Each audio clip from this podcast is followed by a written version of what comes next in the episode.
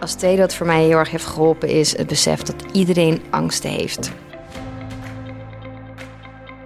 Welkom bij Mindful Millionaire, de spirituele podcast voor zakelijk succes. Jouw bron voor inspiratie en inzichten op het gebied van zelfontwikkeling, business, carrière, spiritualiteit en groei. Vandaag wil ik het hebben over angsten en onzekerheden. Over hoe die ons tegenhouden. Een beetje die schaduwzijde van onszelf, waar we liever niet naar kijken, die we liever maar gewoon wegstoppen. Negeren dat die kant er ook van ons is. Maar juist waar die angsten en onzekerheden zitten, daar kunnen we juist zo veel groeien, zulke mooie dingen mee doen. En dan heb ik het niet eens over zoiets als we zijn angst voor onze eigen grootheid of ons eigen succes. Nee, ik heb het echt gewoon over kleine, ordinaire angsten. De angst om een Instagram-story op te nemen en te posten. De angst om iemand uit te nodigen voor een clubhoudsessie. Om je boek op te sturen naar een uitgeverij. Om je website te lanceren. Om te zeggen dat je eigenlijk liever iets anders wilt doen. De angst om iemand op te bellen. Of de angst om je prijs omhoog te gooien. Al dat soort angsten die ons steeds tegenhouden. En wat ik laatst inzag, wat ik veel eerder had moeten inzien, is dat ik best nog wel veel angst heb die me tegen laten houden. En ik ben heel erg misschien duaal, heel tegenstrijdig. Ik lijk soms alsof ik heel veel doe en durf. Dat vind ik dan van mezelf. Maar ik ben ook mega onzeker en heb echt nog wel angsten die me tegen laten houden. Ik weet denk ik wel van mezelf dat ik onzeker kan zijn. Maar ik had het altijd het gevoel dat ik wel gewoon daardoor heen drukte. Omdat ik de kracht die wil creëren, die mezelf laten zien, sterker is dan de kracht van die onzekerheid. Maar laatst was er iets waar ik me toch heel erg heb tegenlopen houden. En dat was eigenlijk mijn boek. Ik, op een gegeven moment kwam ik op een punt dat ik dacht... ik wil het liever toch niet helemaal meer alleen doen. Want ik was aan de ene kant bang om alles zelf te doen, om het zelf uit te geven. Maar aan de andere kant was ik ook heel erg bang om het te laten lezen aan een uitgever. Om het op te sturen naar een redacteur. Dus ik was eigenlijk voor alles bang. Als ik nu terugkijk, heel dom. Ik had vooral die angst om mezelf te laten zien. En ik was bang om afgewezen te worden. Dat ze zouden zeggen, nee, we vinden het niks. Ik had natuurlijk gewoon gemogen. Niet iedereen hoeft wat ik schrijf geweldig te vinden. Um, maar opeens zag ik die angst en dacht ik, ja, waarom ben ik hier nou zo bang voor? Maar het stomme was, ik zag pas zo laat in dat het angst was omdat ik voor heel veel dingen bang was. Mm. En dan denk ik, ja, hoezo ben ik hier nou bang voor? Ik durf te skydiven, ik durf in achtbanen, ik durf alleen te reizen in Australië. Maar ik durf ook voor een groep van een paar honderd man zonder voorbereiding te spreken. Word ik niet eens bang van. Ik durfde live op de camera van de Fashion Week te presenteren terwijl ik geen idee was wie ik aan het interview was. En ik durfde na mijn studie gewoon compleet iets anders te gaan doen dan waar ik was voor opgeleid was. Dus ik durfde best wel veel, zo zag ik mezelf altijd. En toch waren er steeds van die kleine angsten waardoor ik me liet tegenhouden. Dus ik ben wat meer in dat onderwerp gedoken, wat meer naar mezelf gaan kijken van hé, hey, waar ben ik nou nog meer bang voor? Maar ik ben vooral ook gaan kijken naar oké, wat zijn oplossingen om hiermee om te gaan? En die oplossingen wil ik graag met jullie delen, want ik denk dat we allemaal wel angst hebben, ook al denken we van niet. Maar dat we echt goed naar onszelf moeten kijken, naar die shadow side. Om te kijken waar we toch nog angst of onzekerheden hebben, belemmerende gedachten die ons tegenhouden. Maar voordat ik even in die oplossingen duik, wil ik het even hebben over hoe je een angst kan herkennen. Bij mij is dat als ik excuses verzin, zo van: oh nee, maar dat wil ik niet, ik heb geen tijd. Of zo graag wil ik dat niet, dat doe ik later wel.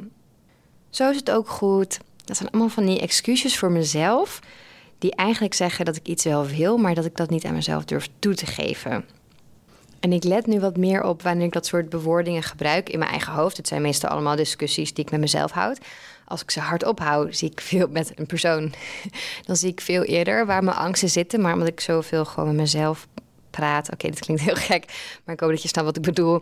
Dan zie ik niet dat er echt een angst zit, omdat ik voor mezelf dan al gelijk het goed kan praten. En dan is het lastig om te zien waar ik mezelf voor de gek houd.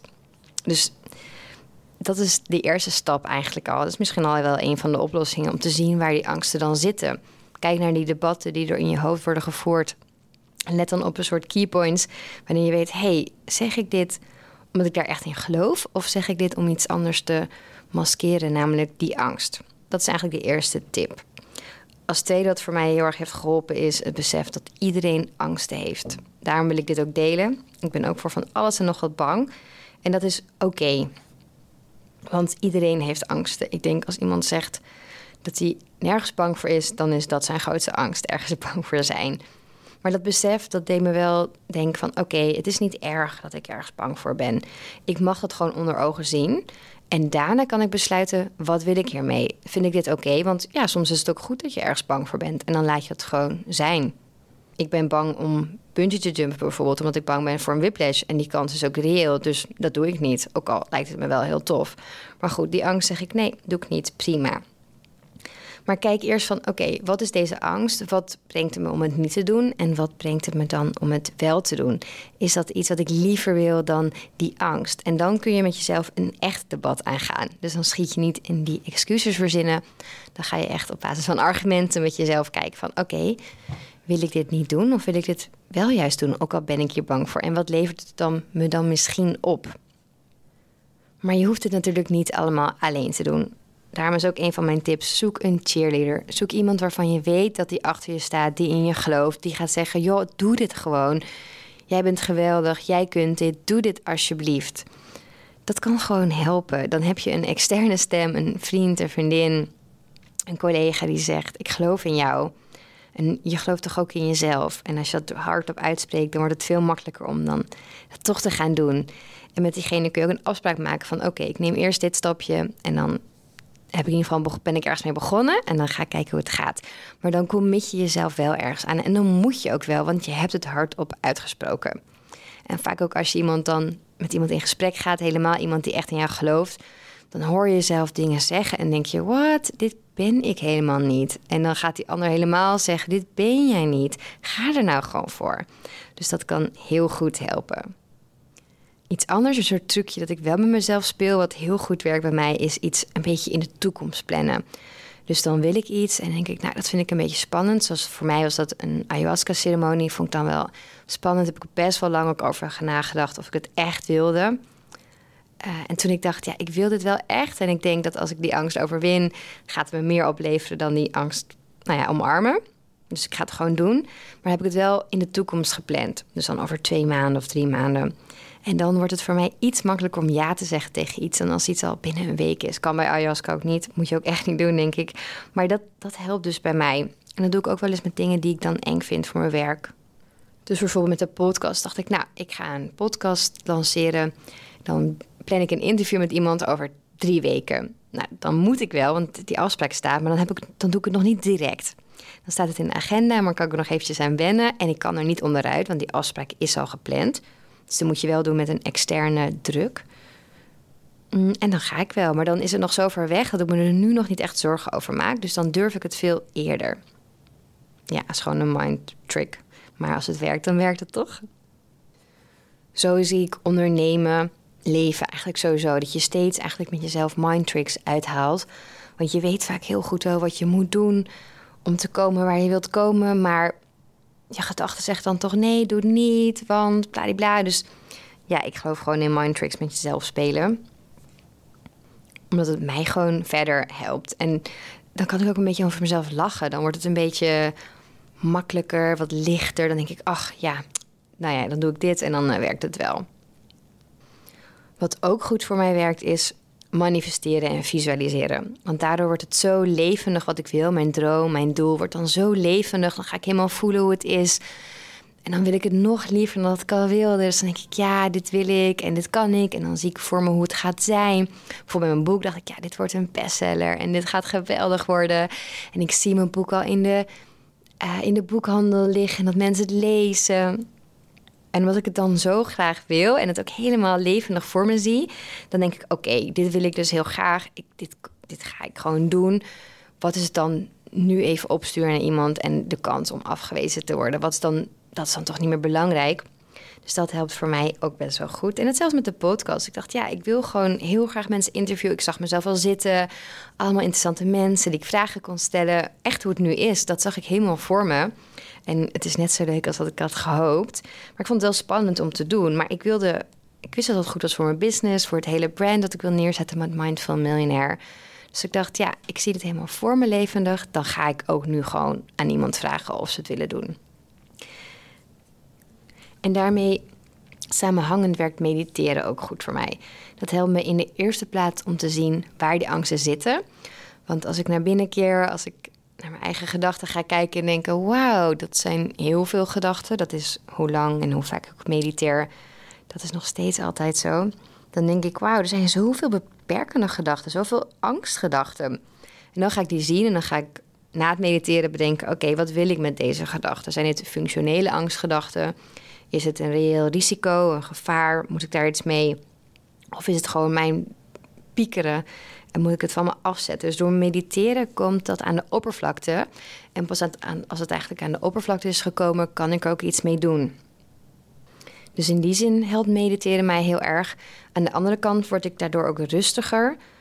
En durf ik daarna weer meer. Het klinkt misschien een beetje gek, maar omdat ik wat meer naar mezelf toekeer, in mezelf kijk, denk ik, wauw, ja, dat is eigenlijk allemaal best wel chill wat er in mij zit. En daar kan ik heel veel mee, maar dat moet ik wel zelf doen. Dus dan durf ik eerder aan de slag te gaan. Dus in die zin helpt mediteren mij ook heel goed. En als je echt denkt, dit vind ik echt heel spannend om te doen, maar ik wil het heel graag, kun je natuurlijk ook samen met iemand doen. Helemaal niet spiritueel misschien, maar wel gewoon echt een fijne oplossing. Ik wilde bijvoorbeeld super graag naar Burning Man, maar zou dat niet zo snel alleen doen. Maar gelukkig wilde een vriendje ook heel graag en toen zijn we samen gegaan. Maar met mijn kantoor doe ik dat ook. Ik vind het heel leuk om naar congressen te gaan of opleidingen. Maar soms vind ik dat ook spannend om alleen te gaan. Ja, klinkt misschien stom. Maar dat, ik hou daar gewoon niet zo van. Dan sta je daar alleen met mensen. Dus dan ga ik liever met iemand samen. En dat heb ik ook gedaan. Er was een keer een cursus in het buitenland. Toen gingen we naar Rome om letselschadevakken te volgen. Het leek me super tof. En ik had het wel alleen gedaan, denk ik, maar ik vond het wel heel spannend. En toen hoorde ik dat iemand van mijn bedrijf ook wilde. Dus zei ik, oh, dat is stil, dan gaan we samen. En dan is het natuurlijk veel leuker. En ik denk dat het oké is. Het is ook niet erg om aan jezelf toe te geven dat je soms liever iets samen doet. Ik heb zelfs wel eens afgesproken met een meisje, die kwam ik tegen op een soort eventje, was heel erg leuk. En toen zei ze van, ik vind het vreselijk om naar dit soort dingen alleen te gaan. Ik zei, ja, ik ook, echt vreselijk. Ze zei, zullen we gewoon samen gaan? Als er weer zoiets is, dan appen elkaar en dan gaan we gewoon samen. En dacht ik echt, ja, wat chill. Toen kwam alleen corona, dus we zijn nog nergens heen geweest. Maar dat is wel een fijn idee om zulke dingen gewoon samen te doen. Dan is het ook niet erg als je ergens bang voor bent. Want je doet het nog wel, maar je hebt er gewoon een workaround gevonden. Ik vind dat niet erg om dat toe te geven aan mezelf. Kijk, sommige dingen zijn natuurlijk handig om te kunnen. Zoals in mijn geval dan spreken voor groepen. Voor mij hier op kantoor of voor andere groepen, voor externe.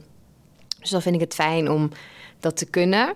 En daar heb ik ook een cursus voor gedaan. Toen het een beetje weg was gezakt, dacht ik, nou, ik ben er niet zo soepel meer in. Dus ben ik een cursus gaan doen om het weer op te frissen eh, bij de Great Communicators. En dan denk ik, ja, dat is wel echt fijn om te kunnen. Maar zoiets als alleen naar een congres gaan, dan denk ik, nou, daar word ik niet beter van. Dat is ook leuk met iemand anders. Ik ga dan alsnog naar mensen toe. Ik stap op mensen af.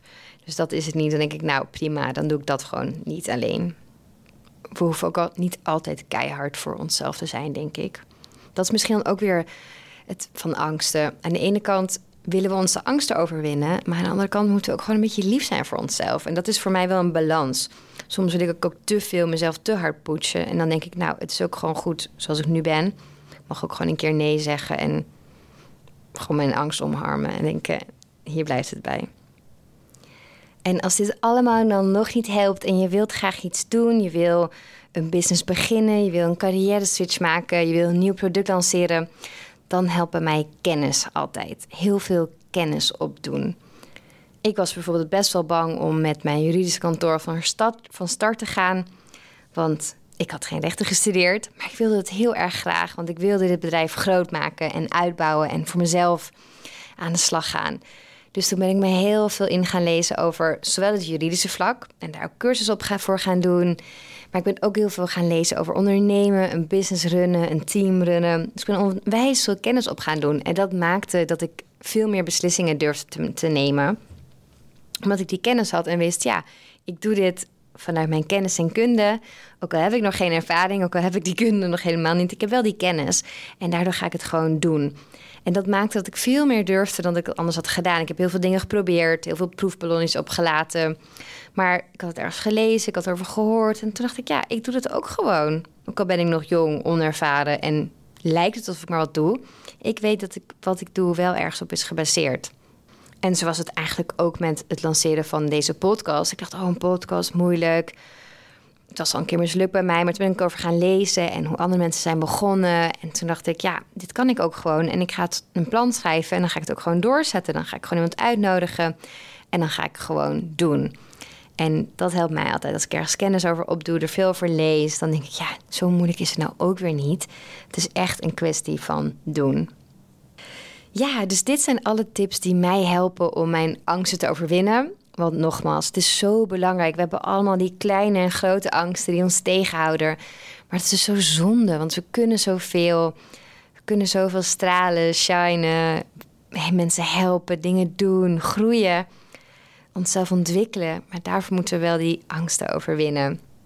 En soms is het helemaal niet zo moeilijk. Maar stap 1 is toch wel je eigen angsten inzien. Daarom vraag ik jou nu, waarvoor ben je eigenlijk stiekem nog een beetje bang wat je niet aan jezelf durft toe te geven? Kun je iets bedenken? Het kan iets heel klein zijn. Misschien wil je een foto delen op Instagram waar je, die je net iets te sexy vindt.